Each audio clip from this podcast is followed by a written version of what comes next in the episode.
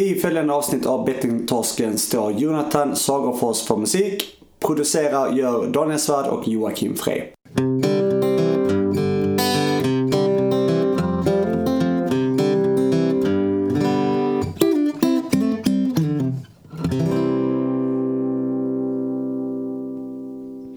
Hej och välkommen till eh, Bettingtorsken eh, podcast. Eh, det är podcasten som behandlar det viktiga ämnet spel spelberoende, spelmissbruk.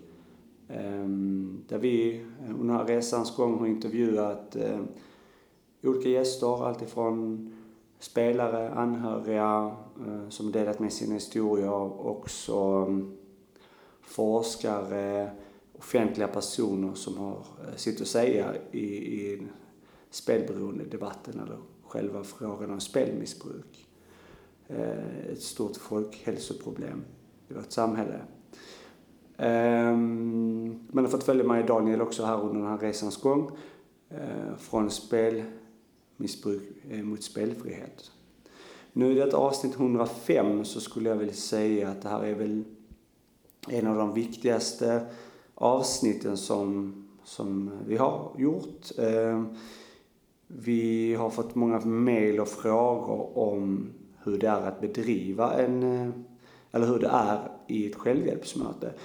Eh, för det kan vara många som, både anhöriga och spelare, som inte har eh, tillgång i sin stad. Eh, så de har inte kunnat besöka något. Det kan också vara att de har självhjälpsmöten i staden som de bor i men inte vågar av skam eller av rädsla att, att inte besöka de här mötena. Och, så vi har helt enkelt gjort en, ehm, Eh, eller podden här har helt enkelt varit med och, eh, tillsammans med Bettingtorskens spelberoendeförening eh, varit med på ett livemöte, alltså ett liveinspelat självhjälpsmöte. Det vi säger med det, det är att man kan göra på olika sätt. Och detta blir väl lite en guide kan man säga på hur ett möte kan gå till. Det kan vara att man har en stödgrupp Eh, i sin stad men har inte kommit igång riktigt med mötena. Eh, så är det här en guide på hur man kan göra. Eh, och det är också så att man kanske går i planer på att man vill bidra och starta upp en stödgrupp på en plats där det inte finns. Då kan man också lyssna på en av våra avsnitt här som heter stödgrupp. Där, vi, där man får en manual på hur man startar upp utan några kostnader. Så det kan vara värt att lyssna på det avsnittet om man vill Eh, göra det. Och så kan man då använda det här eh, eh, avsnittet till, till hur mötet ska gå till. Vi har helt enkelt valt, man kan välja på olika sätt, att ha en grupp med bara anhöriga. Man kan ha en grupp med bara spelberoende. Man kan också mixa en grupp med anhöriga spelberoende. Ehm, man kan också då helt enkelt ha olika grupper där man har en grupp med spelberoende anhöriga, en annan med spelberoende anhöriga, men där de anhöriga till varandra inte är i samma grupp. Så man kan göra på olika sätt, men detta mötet här nu som ni kommer att lyssna på är gjort eh, eh, ja, helt enkelt i Bettingtorsens spelberoende förenings regi då.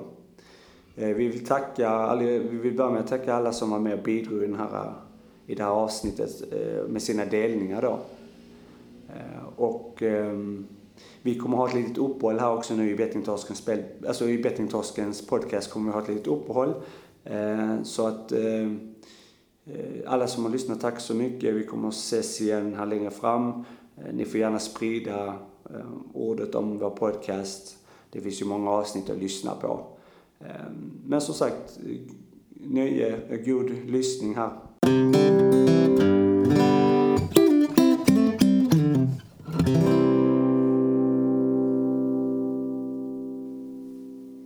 Välkomna eh, till Bettingtorskens spelberoendeförenings eh, självhjälpsmöte. Eh, jag tänkte bara läsa igenom förhållningsreglerna här inför mötet. Eh, och jag kommer punkta dem då. Eh, nolltolerans råder under mötet, eller under, ja, nolltolerans råder helt enkelt. Och, eh, inget eh, spelande under mötet och man får inte komma hit eh, varken alkohol eller dragpåverkad på mötena. Eh, och det hoppas alla respekterar. Eh, mobilförbud gäller också. Så att eh, man stänger av eller man sätter sin mobil på ljudlös. Respektera tiden. Man kommer i tid. När mötet startar. Vi har, när man har paus också så kommer man tillbaka efter pausen då. Man har moralisk tystnadsplikt så det som sägs här stannar här. Vi undviker att prata om summor och spelstrategier. Eh, så att eh, det som kan vara mycket för någon kan vara lite för någon annan. Eh, så vi undviker att prata om summor och hur vi har använt för strategier under spelets gång. Ehm, när det gäller delningar, som vi kommer göra nu då, så berättar man så mycket man vill. Eller så, ja, så mycket eller så lite man vill. Ehm, vi andra som lyssnar på någons delning, vi kan välja att säga hej till den som, eller man säger hej till den som pratar. Och eh, tackar efter en avslutad delning. Um, när det gäller just tips eller frågor kring var varandras delningar så tar vi det i pausen eller efter mötena. Um, gemensam diskussion kring tema om tid tillåter. Uh, är någon som har förslag kanske på ett tema som ni vill ha om där är tid över? Som vi kan diskutera. Kanske lånemarknaden. Lånemarknaden. Hur den triggar spelandet. Det låter bra. Är det tid över så, så bestämmer vi då att vi har en diskussion kring temat eh, lånemarknaden. Ehm, och sen har vi då 15 minuters paus. Mm. Okej? Okay? Så vi kan eh, börja här, på denna sidan. Mm. Eh, Daniel heter jag. Hej Daniel. Eh, jag är spelberoende, före detta spelmissbrukare. Eh, jag är 29 år gammal, snart 30, vilket medför en del grubblerier kring livet. Men eh, hur som helst så är det skönt att eh, inte fortfarande vara tyngd av att eh, det här tvånget att spela, det är en stor lättnad eh, för mig.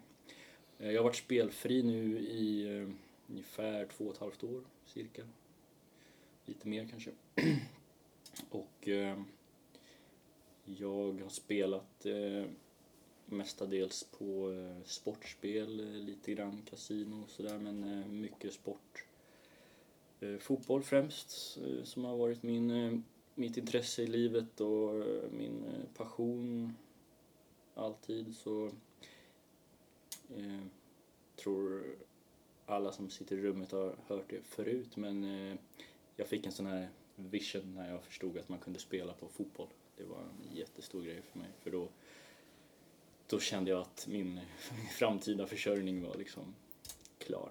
Det, det fanns mycket pengar att hämta. Jag, som många andra tror jag i samma situation så såg jag på mig själv som eh, mer eller mindre allvetande inom fotbollens och sportens värld. kunde allt och alla lag och spelare och taktiker och resultat. Och, men för mig verkade det väldigt, väldigt enkelt att göra, göra pengar.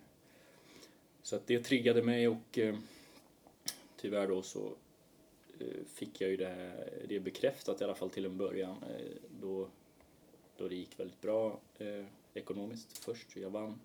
Eh, jag vann eh, pengar som för mig var stora och, och liksom eh, överväldigande och det, det var inte bara pengarna, det var en enorm kick såklart från början. Eh, man hade den här bilden av sig själv som en eh, expert liksom, och eh, så, så, resultatet sa, eh, ja man fick bekräftelse helt enkelt så det var ju någonting som var väldigt lätt att fastna i.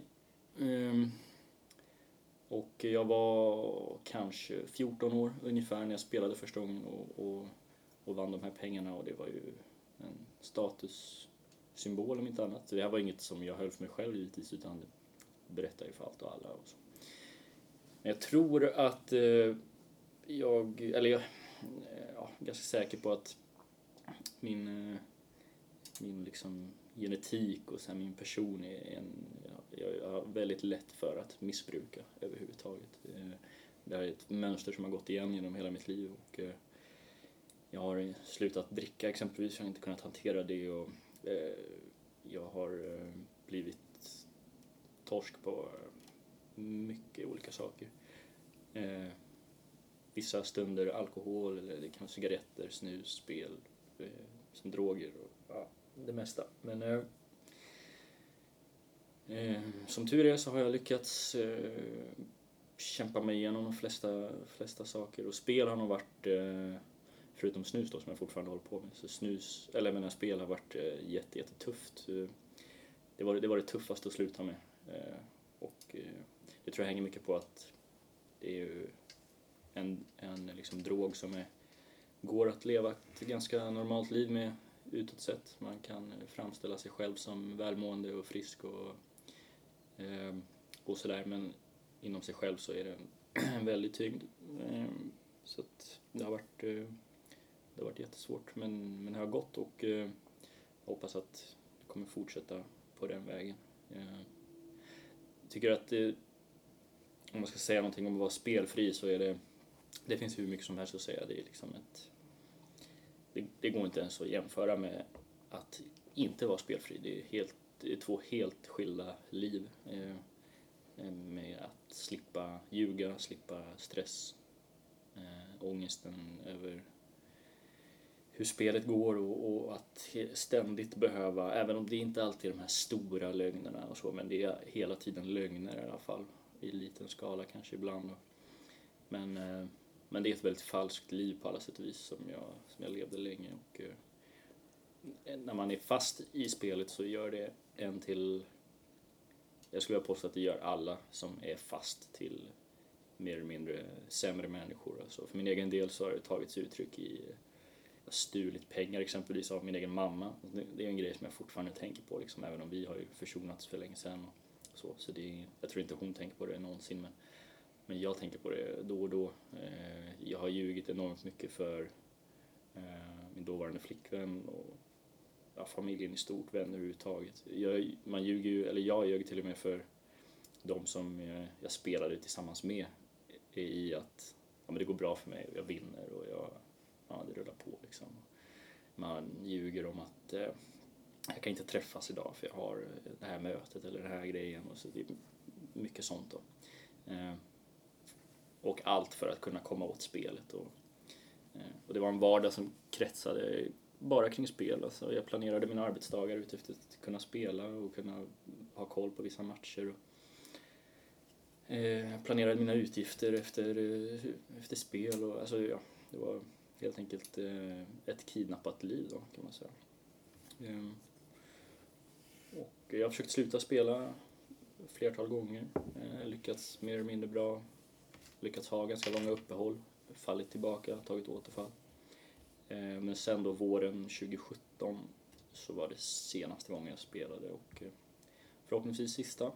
Ehm, det slutade med att eh, jag hade vunnit en, en större summa pengar och jag skulle använda de här pengarna till att eh, styra upp mitt eh, liv, eller min ekonomi i alla fall. Eh, betala flera hyror i förskott hade jag tänkt göra och betala lite skulder till privatpersoner och ja, få lite ordning och reda helt enkelt. Eh, och, och, min tanke var att leva på de här pengarna i eh, några månader. Så, eh, så tog det sex, sju, åtta, nio dagar, någonting sånt. Jag minns inte exakt. Eh, så var pengarna slut och jag kunde inte ens veta, alltså jag, jag visste ju säkert någonstans men jag kunde, jag, jag tror inte jag erkände det för mig själv och därför så på mitt liksom mitt direkta medvetande så fattade jag inte vad pengarna hade tagit vägen. Liksom. Eh, jag låg i min säng, kommer jag ihåg, ensam i min lägenhet. En ganska stor lägenhet, för stor för mig liksom, som bodde ensam och jag gillade aldrig den här lägenheten och det var mitt i natten, jag hade brutal ångest, låg i min säng och skakade och hade svettades och det var fruktansvärt. Och då, kanske inte exakt där och då, men jag tror att jag förstod i alla fall där att det här måste ju ta ett stopp. Ehm, och eh, jag jobbade därifrån liksom och ett par månader senare så, så tog det också stopp. Ehm, och sen dess är jag spelfri. Ehm, Ekonomin är fortfarande dålig men eh, sakta men säkert blir den bättre. Alla relationer är mycket bättre. Eh, livet överhuvudtaget är, eh, fantastiskt jämfört med då. Sen finns det alltid utmaningar ändå, även om man är spelfri, men jämfört med den tiden så är det perfekt egentligen. Så ja, jag hoppas det fortsätter så. Det var länge sedan jag hade möte nu, så det är skönt faktiskt att få prata av sig lite. Eh, det behövs. Och eh, jag försöker fortsätta vara väldigt ödmjuk inför eh, mitt beteende överhuvudtaget. Jag försöker vara lite mer försiktig i att testa grejer, vad det än kan vara. Jag tror jag skulle kunna bli beroende av att åka berg och dalbana typ. Alltså så här, man, man, får tänka efter liksom vem, vem man är och, och hur man funkar och liksom eh, så var lite mer försiktig. Ehm, för att eh, jag har träffat många genom åren som har varit spelfria väldigt, väldigt länge och tagit återfall så det där måste man ha respekt för. Och det försöker jag ha. Så nu finns ju det här fantastiska spelpaus också som jag är spärrad eh, fram till januari. Så då gäller det att spärra sig igen. Det är en skön, eh, jätteskönt liksom skydd. Ehm, Många brukar säga att det går alltid att få tag på spel om man nu skulle vilja men jag har försökt tänka lite på det där och liksom, jag kan inte komma på hur jag skulle få kunna spela om, så länge jag är spärrad. Så det är, det är väldigt, eh, väldigt bekvämt. Mm. Nöjd med det tror jag. Tack. Tack. Tack för att ni lyssnade. Mm. Eh, hej, Cecilia heter jag. Hej. Hej Cecilia. Eh, och jag är ju tillsammans med eh, Joakim, så jag är här som anhörig. Eh, och det här är ju lite nervöst för mig, för det här är egentligen första gången som jag pratar om eh, alltså det här anhörigperspektivet egentligen. Eh, jag har varit på ett möte tidigare på Spelberoendeföreningen men ehm, då pratade jag inte sådär jättemycket utan jag satt mest och lyssnade. Och ja, jag är ju också numera mamma till våran fyra månader gammal son. Eh, och vi träffades ju för två och ett halvt år sedan nu, jag och Joakim. Eh, så att eh, tiden har sprungit på. Eh, men när vi träffades så fick jag ju reda på ganska snabbt att Joakim hade haft ett missbruk och spelat. Vi var väldigt, väldigt ärliga redan i första mötet, vilket var lite speciellt. Men jag har förstått att det har varit väldigt bra för oss också att vi var så ärliga mot varandra. Eh, utan att gå in i detaljer så, så har jag också liksom mitt bagage och vi båda var väldigt ärliga. Jag var också väldigt ärlig med det jag hade bakom mig. Eh, men jag, jag minns att jag tänkte att eh, han har varit spelberoende men det är ju liksom mer som en sjukdom, alltså kanske som en cancer som man har opererat bort och den kommer ju inte komma tillbaka liksom. Utan det är ju mer någonting han delger av sitt förflutna typ. Eh, men det har jag ju förstått att så är det ju inte riktigt utan eh, det, det försvinner ju inte och det kommer vi förmodligen behöva leva med eh, för resten av våra liv om vi är tillsammans liksom.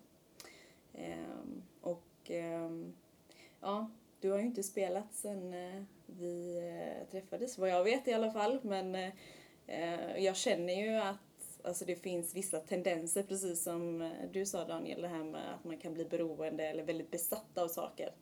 Ehm, så det är det jag känner att jag kan se i eh, hans beteende idag, att han blir väldigt intensiv i saker väldigt snabbt och enkelt så. Ehm, det kan ju vara, det kan vara egentligen vad som helst, alltså att eh, när han väl drar igång med någonting så finns det inget stopp, typ.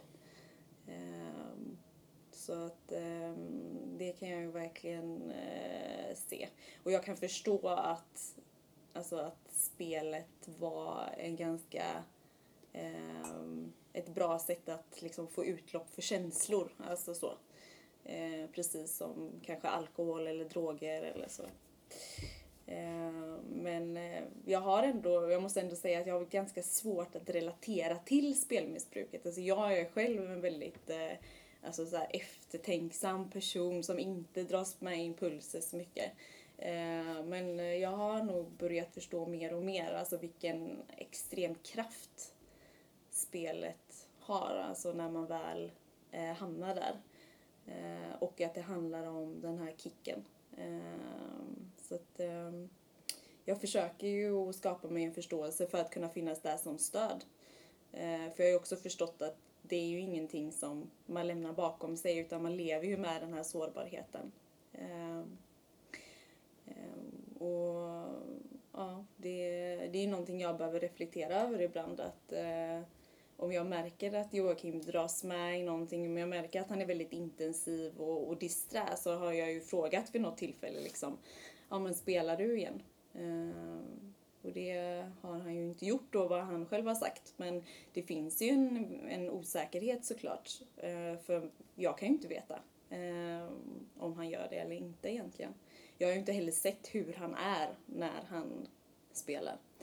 Ehm, men jag har ju hört från anhöriga och från vänner att eh, han var en helt annan person när han spelade. Ehm, nu är han ju väldigt, i mina ögon i alla fall, närvarande och väldigt kärleksfull eh, och sådär. Så att jag tror och hoppas i alla fall att jag skulle märka om han eh, föll in i något sånt destruktivt beteende igen. Så. Ehm, så det är väl det egentligen som jag tänker på i själva beteendet men Sen ska man ju inte himla med den ekonomiska biten som också är en konsekvens av spelandet.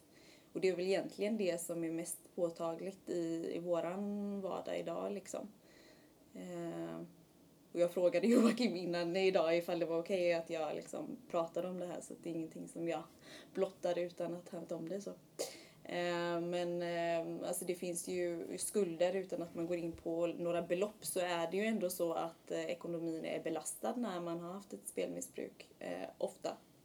Eh, och Alltså jag kan tycka att det är ganska skönt om jag ska vara helt ärlig, alltså det här den ekonomiska biten för att vi har haft ett helt annat fokus från dag ett. Eh, ekonomin har inte varit någonting som präglar våran relation på något sätt utan vi är två olika individer, vi har två olika fokus liksom, eh, med det ekonomiska. Eh, jag sparar på mitt håll och han sköter sin ekonomi. Liksom. Så att jag tycker inte att det har varit något stort problem hittills faktiskt. Eh, men eh, det är ju för att jag också visste om det från början. Eh, men sen så tror jag att vi tänker lite olika kring eh, själva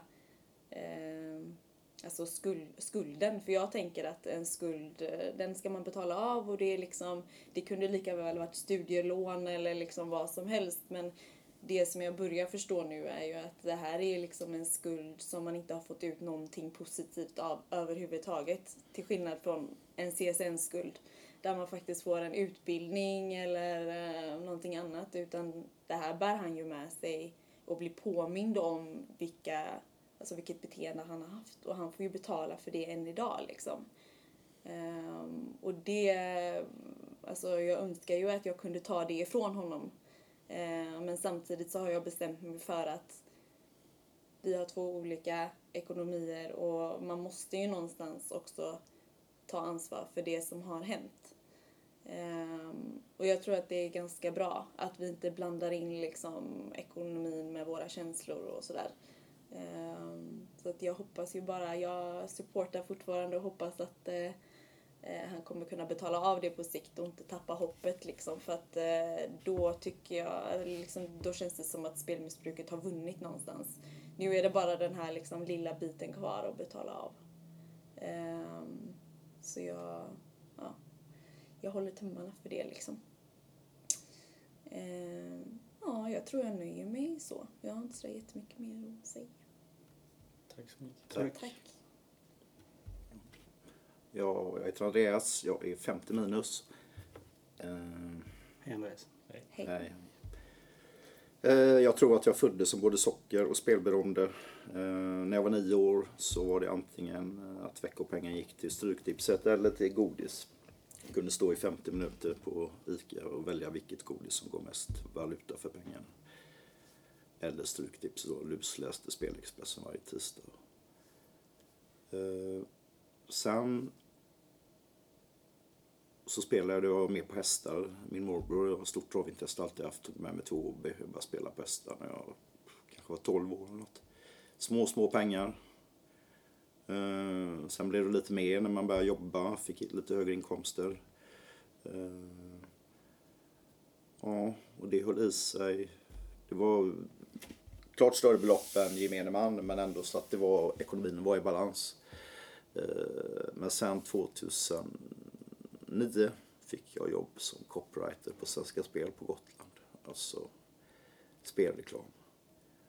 Eh, företrädesvis för webben då. Eh, och där var jag så uttråkad. Jag hade knappt något socialt liv alls. Så jag började spela en hel del och fick nys om poker då. Hade ju kommit starkt år innan där. Så jag började spela poker, så det var liksom jobba till klockan fem, satt på redaktion och spelade poker till klockan elva, cyklade hem hela helgerna.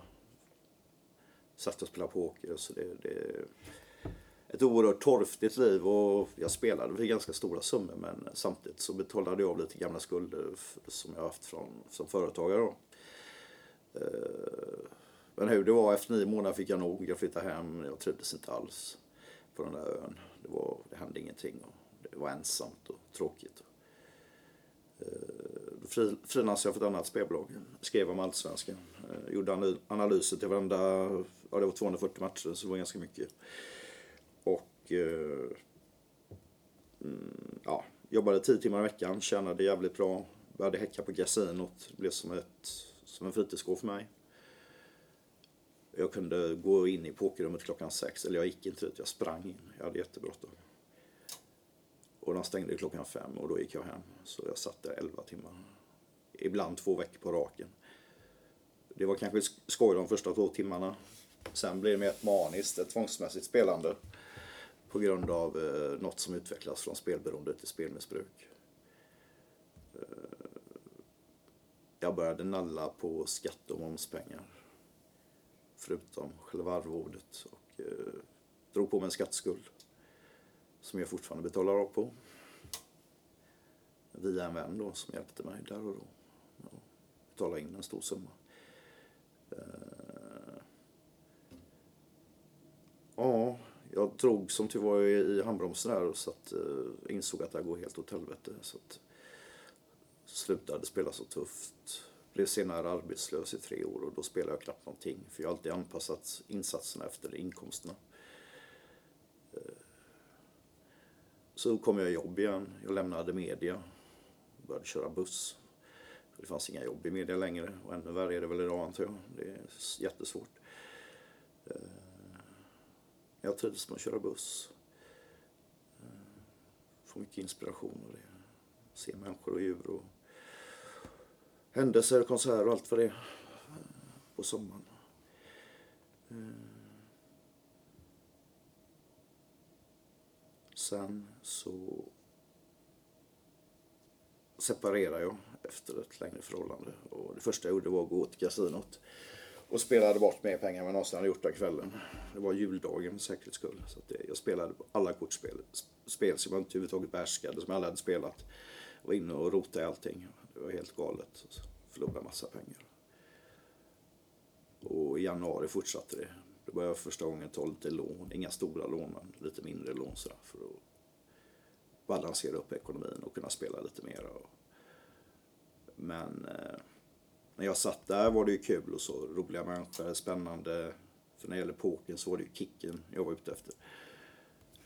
Men samtidigt när jag gick därifrån så hade jag ju världens ångest. Tänkte jävlar, spela bort så mycket pengar. Det har jag ju inte råd med liksom.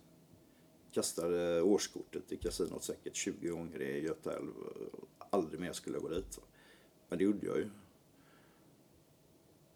För en spelmissbrukare blir aldrig fullmatad.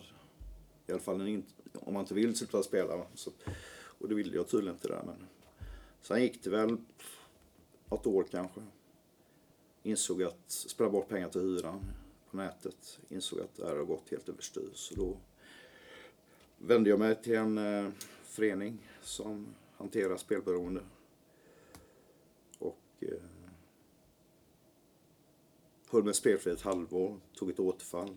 Eh, hade plockat ut fem matcher i Premier League som jag skulle spela en stor summa på för jag hade liten inkomst vid det tillfället och skulle liksom få lite guldkant på tillvaron. Eh, och de fem matcherna gick in. Problemet var bara att det var tre dagar till dess och jag gick in och spelade poker för de pengarna så pengarna var slut. Sen hade det inte spelat någon roll. Även om jag hade vunnit de pengarna vad nu var en större summa, så hade jag ju spelat bort dem på poker i alla fall. För att kicklyssnaren får ju aldrig se, den blir aldrig nöjd liksom. Det, det tar aldrig slut. Eh, efter det så fick min mor insyn i min ekonomi och jag höll med spelfri så länge som 22 månader. Då hade jag jobbat 25 procent som busschaufför för jag hade lite tidigare hamnat i en djup, djup depression. Och sen tyckte en läkare att nej, du ska inte jobba alls. Det höll inte jag med om, men eh, slutade med att jag blev så inåt helvete rastlös. Och efter fem månader av inget jobb alls så bestämde jag att jag måste spela poker. Alltså jag måste döda den här jävla rastlösheten. Och det var bara det det handlade om. Eh, det var egentligen ingen jättelängtan efter att spela poker, men liksom jag har en ganska stark rastlöshet inom mig. Och eh, ja, det var inget större belopp, det var inget som satte liksom ekonomin i gungning. Men det var ett återfall och jag räknar så om det är en lott som kostar 5 kronor så för mig är det ett återfall oavsett det är spel. Spel är spel enligt min värld. Och, eh, sen gick det två veckor, tog jag ett återfall till, ett sportspel en fredag eftermiddag. Mindre summa, men lik förbannat ett återfall. Och skar lite i hjärtat där när jag berättade för min mamma då, när det var så tätt emellan. Och så, ja, jag orkar inte med en sån. Tyckte, tyckte det var jobbigt. Uh, sen har vi då fått som tur var det här med spelpaus. Och jag har spelfri då sedan årsskiftet och snart tuggar det upp mot ett år. Vilket känns väldigt bra. Däremot är jag helt säker på, för jag har liksom haft sådana här sug då och då att fan det har varit kul att spela lite poker. Men jag kan ju inte det. Om jag inte åkte till Köpenhamn eller London. Eh, och den tanken har väl funnits någon gång men jag har inte haft tillräckligt med pengar för att det skulle varit någon mening. Och jag vet att det hade slutat. Jag hade bara förlorat de där pengarna och åkt hem med ett ännu sämre mående. Och så jag är glad att inte jag gjort det. Men jag tackar verkligen spelpaus för att det är... Ja. Det är, det är en rejäl skyddsbarriär om man någon gång känner sig lite sugen på spelet så, så finns det där. Eh, så att jag... Ja, det är en stor hjälp. Va? Jag har även gått KBT som har varit jättebra. Det, alla jag pratat med har varit väldigt nöjda med KBT. Jag har inte hört någon som varit missnöjd. Så om du som lyssnar eh, känner att du behöver mer hjälp så absolut KBT. Det kan jag rekommendera starkt. Eh, ja, annars så ser det väl ganska ljust ut för tillfället. Jag har ett väldigt bra jobb jag trivs med. Så kör buss då. Väldigt bra chefer, väldigt bra kollegor. Bra schema, bra struktur på allting. Empatiska, bra chefer. Eh, jag har en skuldsanering sedan lite drygt ett år som pågår så att om ungefär fyra år så är jag skuldfri och det ser jag fram emot för det jag har varit nu alltihopa är mitt eget fel. Det är företagssatsningar som inte gått bra, det är spel och så vidare. Men jag har varit i det 15 år nu och det sätter sina spår kan jag säga på psyket. Jag har en kompis som inte spelar men han, han var också i trasslig ekonomi i, i, över tio år och levde på existensminimum hela tiden. Så det, det, det, det, det, det är jävligt tufft helt enkelt. Va? Så den dagen kommer jag fira och då ska jag tänkte man ska ta med en lång, jag brukar inte resa så mycket, jag tänkte jag ska ta en långresa och verkligen fira att ja, nu är de där 19 åren över och liksom unna sig något som man känner att man kan vara värd efter en sån lång tid som kämpande. Och, eh, ja. ja, men det är väl där jag befinner mig idag. Tack så mycket. Tack. Uh, yes, um, Joakim heter jag. Hej. Hej. Uh, jag är uh, nyligen 34 år och kommer från Malmö. Jag har um, varit, jag började med spelfri. Jag har varit spelfri sedan mars 2017. Så nu har det blivit ett tag. Um, mitt spelande började redan när jag var väldigt, väldigt ung. Eh, de första minnen jag har av just spel var när jag var säkert 7-8 år gammal eh, och följde med min farmor och min eh, mamma var också med vid några tillfällen på så här bingohall då. Då var det ju inte någon åldersgräns utan alla fick komma dit. Det jag minns väl var att jag gill, jag tyckte verkligen om den här känslan av att vara, att spela faktiskt. Alltså inte jag vet att det fanns andra barn där också. Många av dem följde med, följde med och kanske drack läsk och käkade så här, kakor kanske. Men jag ville verkligen vara med och spela och tyckte det var jättehäftigt att kunna vara med och ropa bingo och sånt när det, när det hände. Uh, och jag kommer ihåg att jag var med med den känslan redan då. Alltså det, det var så tydligt redan vid den tiden. Eh, Mm, jag ja, växte upp i familj där framförallt min pappa har spelat på egentligen allt som jag spelar. Eller ja, ehm, Lången och framförallt V75 och så här. Mm, eller mycket såhär stryktips eh, lördagar, tips och lördag. Och då kollade de fotbollsmatcher och, och hängde med på engelsk fotboll. Så att redan från ung ålder så var jag en del av det här eh, kan man säga genom min pappa. Och jag var väl en 12, 13, ja, kanske yngre, 11-12 år kanske när jag själv, eller 12-13 säger vi. Eh, där jag själv spelade Lången för första gången och Stryktipset. Eh, jag, eh, ja, jag, kommer att, jag vill minnas att pappa hjälpte mig hur man skulle göra och sen följde jag med på matcherna. Och, det var också väldigt häftigt så här, att vara med i det sammanhanget. Sen också att jag vid den tiden, eller de minnena också från den unga åldern, så var jag också på travbana med min pappa och många andra. Det var liksom en familje, eh, häftig familjegrej. Alltså, vi åkte dit, alla barn och familj och allting. Och, eh, vi fick också spela på hästarna och det var en jättehäftig tillställning. Det var väldigt magiskt. Jag fick en ja, men liksom redan där en väldigt häftig känsla. Man ville ju dit flera gånger och det var mysigt och det var allt det där. Eh, och ehm, jag tror det bar med mig, eller satt spår redan där, att det här var häftigt, spela på hästar, vinna, heja på, häst, eh, heja på, på hästarna och allt det där. Eh, alla var glada. I ungdomens ålder sen så, jag har ju aldrig haft riktigt med pengar så här, men nu efterhand har jag förstått att jag hade ändå lite pengar. Men de pengarna jag hade, de spelades upp. Jag köpte väldigt sällan saker, utan hade lite pengar över förutom det jag hade spelat på då, de här olika sportspel och sånt, hästar och allt det där. Så var jag i pizzeria med mina kompisar och vi var väl 15-16 år och vi spelade ändå på de här automaterna, eh, Jack Vegas-maskiner. Så vi hängde, det var lite som en fritidsgård då. Så man hängde där och spelade och tyckte också det var jättehäftigt. Så pengarna gick mycket till de här sakerna, eller gick enbart till de här sakerna.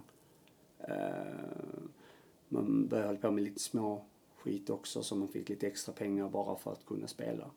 Eh, sen så kom då pokern, det var också där i ungdomens tid och man spelade med sina kompisar. Jag hade lärt mig genom min pappa också hur man spelar poker.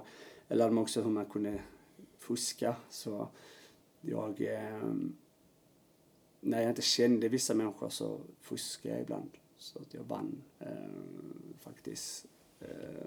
Och det var mycket så här femkortspoker eller, eller Texas som sedan kom och då var jag ganska före alla andra innan det hade verkligen blommat ut. Så jag kunde ju poker innan folk tyckte det var häftigt att testa det. Så jag vann ju ofta. Eh, men som sagt, pengarna försvann ofta. Sen när jag då blev lite äldre så började jag, började jobba och um, samma där. Um, precis som tidigare här att man har anpassat insatsen efter vad man har haft för inkomst. Så jag har aldrig sparat pengar utan de pengarna jag haft över har jag spelat upp. Alltid. Eh, kasinot, för det var med nollor till att vara där. Spelade poker där och, och så. Så att aldrig egentligen jag har aldrig kunnat spara pengar utan de har alltid gått till spel. Eh, men jag har aldrig förstått att jag har haft spelberoende utan jag bara ja, det är bara så det har varit. Jag har haft det som ett vanebeteende liksom. Eh, ja, vad kan man säga mer? Jag har också under hela den här vuxna tiden sen haft jag har fått utlopp av, när jag mått dåligt framförallt när jag förlorat så mycket pengar, för det gör man ju. Jag har sällan vunnit mycket utan jag har alltid förlorat mer eller mindre och um, då uh, har jag tagit utlopp genom att jag har druckit och sen så har jag bråkat med både vänner och tidigare förhållanden och allting. Så att det har varit att jag har, uh, ja, jag har varit en riktig skitstövel kan man säga. Um, så att utloppet av min dåliga vana med spelandet och förluster har lett till att jag har mått väldigt dåligt under lång tid och då det har kommit utlopp när jag framförallt druckit då. Så har jag bråkat mycket. Um, jag har också varit så flyktig så att varje gång det har varit någonting så har jag flytt någonstans. Jag har jobbat mycket utomlands, jag har bott på olika platser i Sverige. Eller ja, ja olika platser. Jag har bott på en del platser i Skandinavien, jag har varit i Norge och ja, men jag har varit lite överallt. För varje gång det har uppdagats att jag har varit nära på att folk har förstått att jag inte har kunnat spara pengar eller haft problem med spelandet så har jag flytt. Um, och um, ja, det har jag alltid gjort. Eh, det var väl där någon gång strax innan, ja kanske 2016, så um, jag har alltid försökt framhäva, jag har jobbat med försäljning då också för att kunna få de här kickarna, har jag, förstått. Att jag alltid vet, fått bekräftelse genom att jag har eh, gjort bra grejer och försäljningen har triggat. För då har jag alltid, eh, det har haft så prestation. att jag har kunnat prestera och ehm, då har det, eh, eller jag har försökt visa för folk att jag gör det bra. Jag liksom ska jobba med chefer. Det är viktigt med titlar och allting. Att jag ska vara en chef eller jag ska driva företag, det ska vara det här. Det ska se snyggt ut, jag ska ha pengar eller det ska se ut som jag har pengar. Ehm, men sanningen är att jag har alltid spelat upp allting hela tiden. Ehm, men sen har jag gjort vissa bra grejer. Jag har vunnit några gånger. Ehm, jag har haft aktier och allt möjligt. Så jag har vid vissa tillfällen haft pengar också men i slutändan så har de också försvunnit så det har aldrig varit att jag har behållit det. Eller kunnat. Men 2016 där eh, så började jag spela ännu mer. Eh, jag mådde väldigt dåligt. Eh, jag jobbade inte riktigt. Och och började ta lån för att finansiera mitt spelande och min levnadsstandard, att det skulle se ut som att jag hade det bra. Men framförallt spelandet då, att jag skulle fortsätta spela. Eh, och jag bråkade med alla, jag mådde verkligen dåligt. Och eh, då, där någonstans bestämde jag mig också för att jag skulle sluta spela. Um, för att jag började inse att jag faktiskt hade problem med det här. För, eh, ja, men jag liksom, helt plötsligt hade jag massa skulder och jag hade lån och allt det där. Och då slutade jag och det var väl, för jag tänkte ja men jag lägger ner det här. Jag, jag fattade ju inte att jag hade problem med det utan bara nej men det här är inte bra. Liksom jag, jag får lägga ner. Och det höll väl kanske en månad eh, då. Och eh, sen så tänkte jag men jag ska spela lagom. Eh, alltså nu pratar vi om att när jag mådde dåligt och spelade mycket, jag spelade för högre belopp helt enkelt. Och när jag då sedan skulle börja spela lagom, då skulle jag spela på ett sätt som jag inte hade gjort på 15 år kanske. Eh, för betydligt mindre summor och ehm, det gav mig absolut ingenting. Eh, det var helt orimligt att tycka det var kul. Så jag, ehm, ja, jag tog nya lån och så var jag tillbaka på samma destruktiva sätt i spelandet med de höga insatserna som innan. Och eh, jag vann inte någonting. Jag förlorade och förlorade och det blev värre och det blev värre.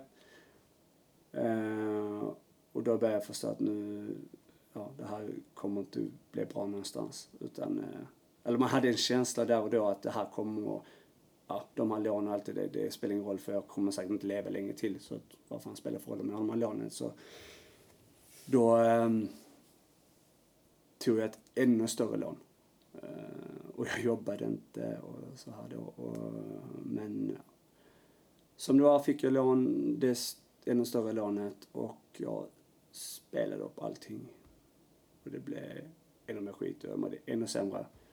Eh, men där och då någonstans så träffade jag också eh, eller ja, där och då så, så, eh, så eller, då, träff, då blev det egentligen att vi började prata om att man ja, skulle kunna tjäna pengar på något sätt och då eh, träffade vi också, pass, och då, då, skulle jag starta upp den här podcasten då framförallt med, med ja, och då träffade vi folk i spelberoende branschen och där och då förstod man hur jävla stort problem man hade och det är ingenting man skämtar om utan det här är något jag måste förändra för att jag själv ska må bra i resten av mitt liv för det, jag, jag vet, det finns ingen utväg. Och, um, där bestämmer man också att sluta spela egentligen.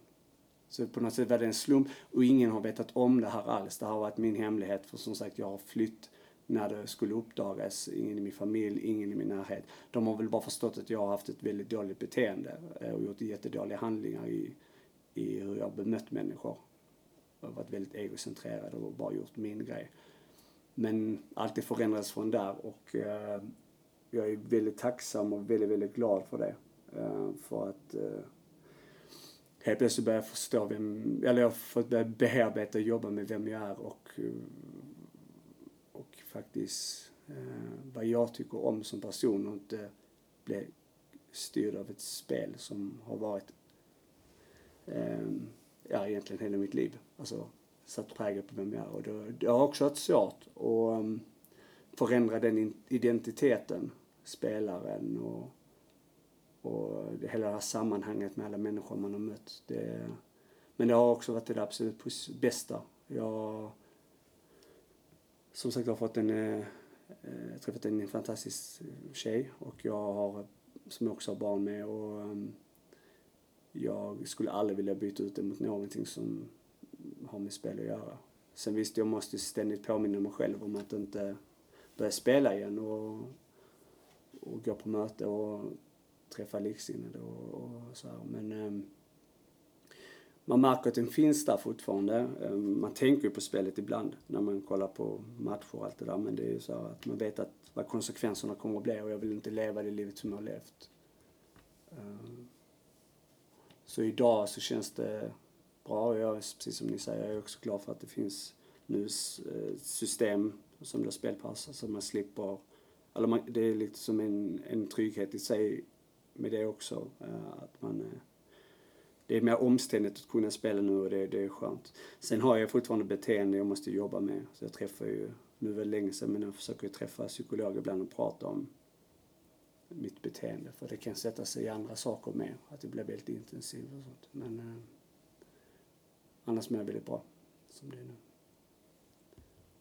Det var allt för mig. Tack. Tack. Tack. Tack. Ja, Ska vi, tar 15 minuters, vi tar 10 minuters paus och sen eh, är det tid över. Ska vi köra temat då, och lånemarknaden, diskussion. kan vi göra. Ja.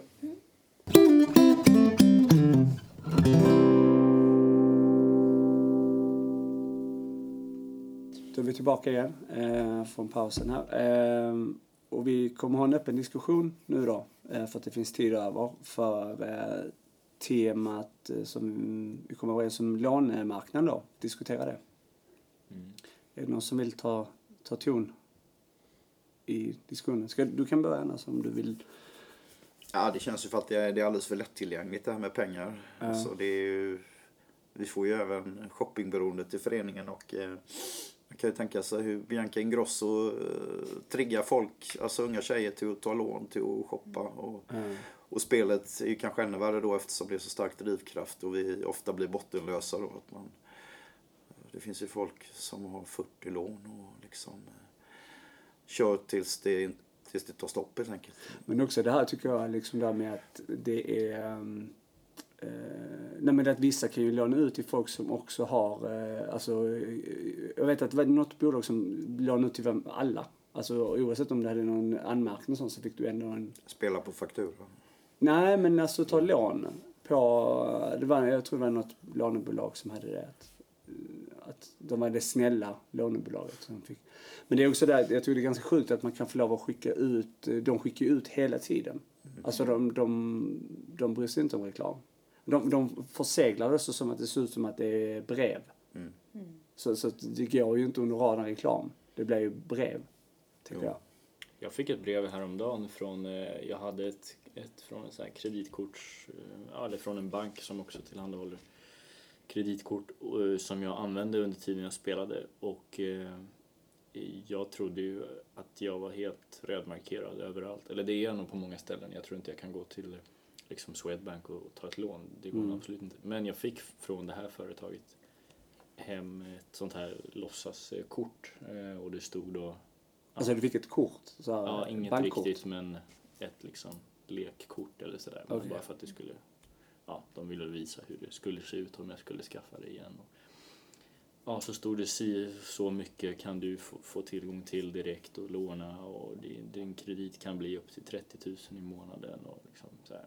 Och de, de, några vet väl min historik. Jag har ju, jag har ju eh, Jag hade ju stora skulder till just det här företaget. Eh, Så det, det är en jättemärklig marknad. Men jag tycker också det här att, eh, alltså sen jag, mina lån som jag har, mina skulder så att säga, då är det ju alltså att de inte riktigt egentligen gör någon bakgrundskoll på det där. Um, ehm, nu har jag ju liksom, jag har ju aldrig missat någon betalning någonting utan jag har ju det har ju varit många tankar om att släppa allt det där i, framförallt i början för att det hade varit lättare att försöka söka skuldsanering på något sätt för det har varit så ja, det har varit så tungt liksom när jag har kört på ändå. Men det är så här, de har ju inte kollat upp så här, um, har han en arbetsgivare? Alltså jobbar jag på ett ställe liksom? Eller gör jag inte det? De, de, de har ju inte gjort det. Alltså de gör ju inte det. Uh, så det är ju lätt att kunna förfalska och allt möjligt. Man kan skriva vad som helst där. De ringer ju inte upp ens ett nummer man skriver för att uh, se om man jobbar där. Utan de bara skickar ut. Det, det, det är så, det, jag tror det är väldigt konstigt att det är så lätt. Precis som du sa. Ja, men de jobbar ju med höga räntemarginaler och då, då, vet de att X antal kommer inte betala men det lönar sig ändå uppenbarligen. Ja, För annars så hade de gjort mycket mer noggrann kontroll och, och kanske inte beviljat framförallt så många lån som de gör. Det, det är det stora problemet tror jag. Att det bara vräker iväg lånen. Så var det inte när jag växte upp. Då fick man ju kriga för minsta lån till en bil eller något. Nu kastar de ju pengarna efter folk. ja. Vilket är absurt. Alltså. Men det är ju liksom, för det är ju ändå bränslet till spelberoendet alltså. De, det, det hade, ju, hade man inte kunnat ta de här lånen då hade man ju i alla fall inte haft den ekonomiska Men det är ju just det att de inte har koll, eller de kanske har koll, men problemet är att du kan ju, så länge du inte hamnar hos Kronofogden, du kan hålla dig flytande rätt länge trots en kassaekonomi. Men så länge du inte hamnar där så kan du ju bara pumpa på liksom. Plocka Men det ut. finns ingen sån funktion liksom som spelpaus typ att man kan liksom alltså, blocka sig så att man inte kan få ta lån. Det finns inget sånt. Ja, det borde finnas. Det borde finnas kanske. Lånepaus, absolut. Mm. Vi som är den här skiten skulle egentligen bara bli beviljade möjligtvis till hus eller lägenhet och ingenting annat. Mm. Eller ha möjlighet att välja det i alla fall. Tycker jag. För det är ju... Men vad kan man göra för, alltså, vad kan man göra för lösning till, alltså, vi säger då att man går i tanken att ta ett ytterligare ett lån eh, som spelare, tänker jag. Eh, hur kan man som anhörig göra? Alltså som ett tips. Alltså kan ta över ekonomin, ta över mobila bank-id eller vad, vad tänker ni? För det går ju ihop med lån, alltså att man tar ju, kan ta lån. Jag tror inte man kan jag tror inte att man som anhörig kan göra så mycket. Det är upp till spelaren eller missbrukaren då att ta att själv ta initiativet att lämna ifrån sig sin ekonomi. Alltså. Det, Mm. det måste man göra. Eller det måste man inte men det är väldigt, väldigt bra att göra det. Och det behöver inte vara, det här jag har pratat om mycket in- innan också, men det, att lämna ifrån sig sin ekonomi behöver inte vara alltid som man föreställer sig att man blir helt omyndigförklarad. Det är ju det är ju inte det. Jag till exempel hade en lösning, eller har fortfarande tror jag, jag har inte ens tänkt så mycket på det, där min syster hade eh, min bankdosa eftersom att jag använde bara, den använder jag ju aldrig. Utan det är BankID och så. Men, och då är det bara att jag skötte allting själv, men jag vet att hon kan gå in och kolla när som helst på min ekonomi. Bara det var ju en väldigt bra vägg liksom. Så jag tror man måste släppa all sin stolthet och bara lämna över. Ja. Men det är svårt att bli övertalad till det.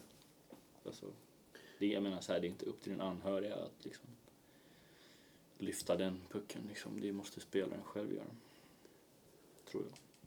För jag tänker just att när det gäller, men det är också svårt för att när det gäller de här låne, precis som alla de här låneerbjudanden de skickar ut, så är det så här, mm, allting kan ju också göras i pappersform där. Alltså mm, de vill ju gärna att man bara ska snabbt säga ja och så, så får man in det på något ställe. Jag vet inte om det ens täcker på, men ja, det, jag tycker också det är helt sjukt att, att man ska kan ta lån så lätt och att man ehm, och att de får lov att skicka ut så mycket erbjudanden liksom. Att det inte finns någon reglering på det där.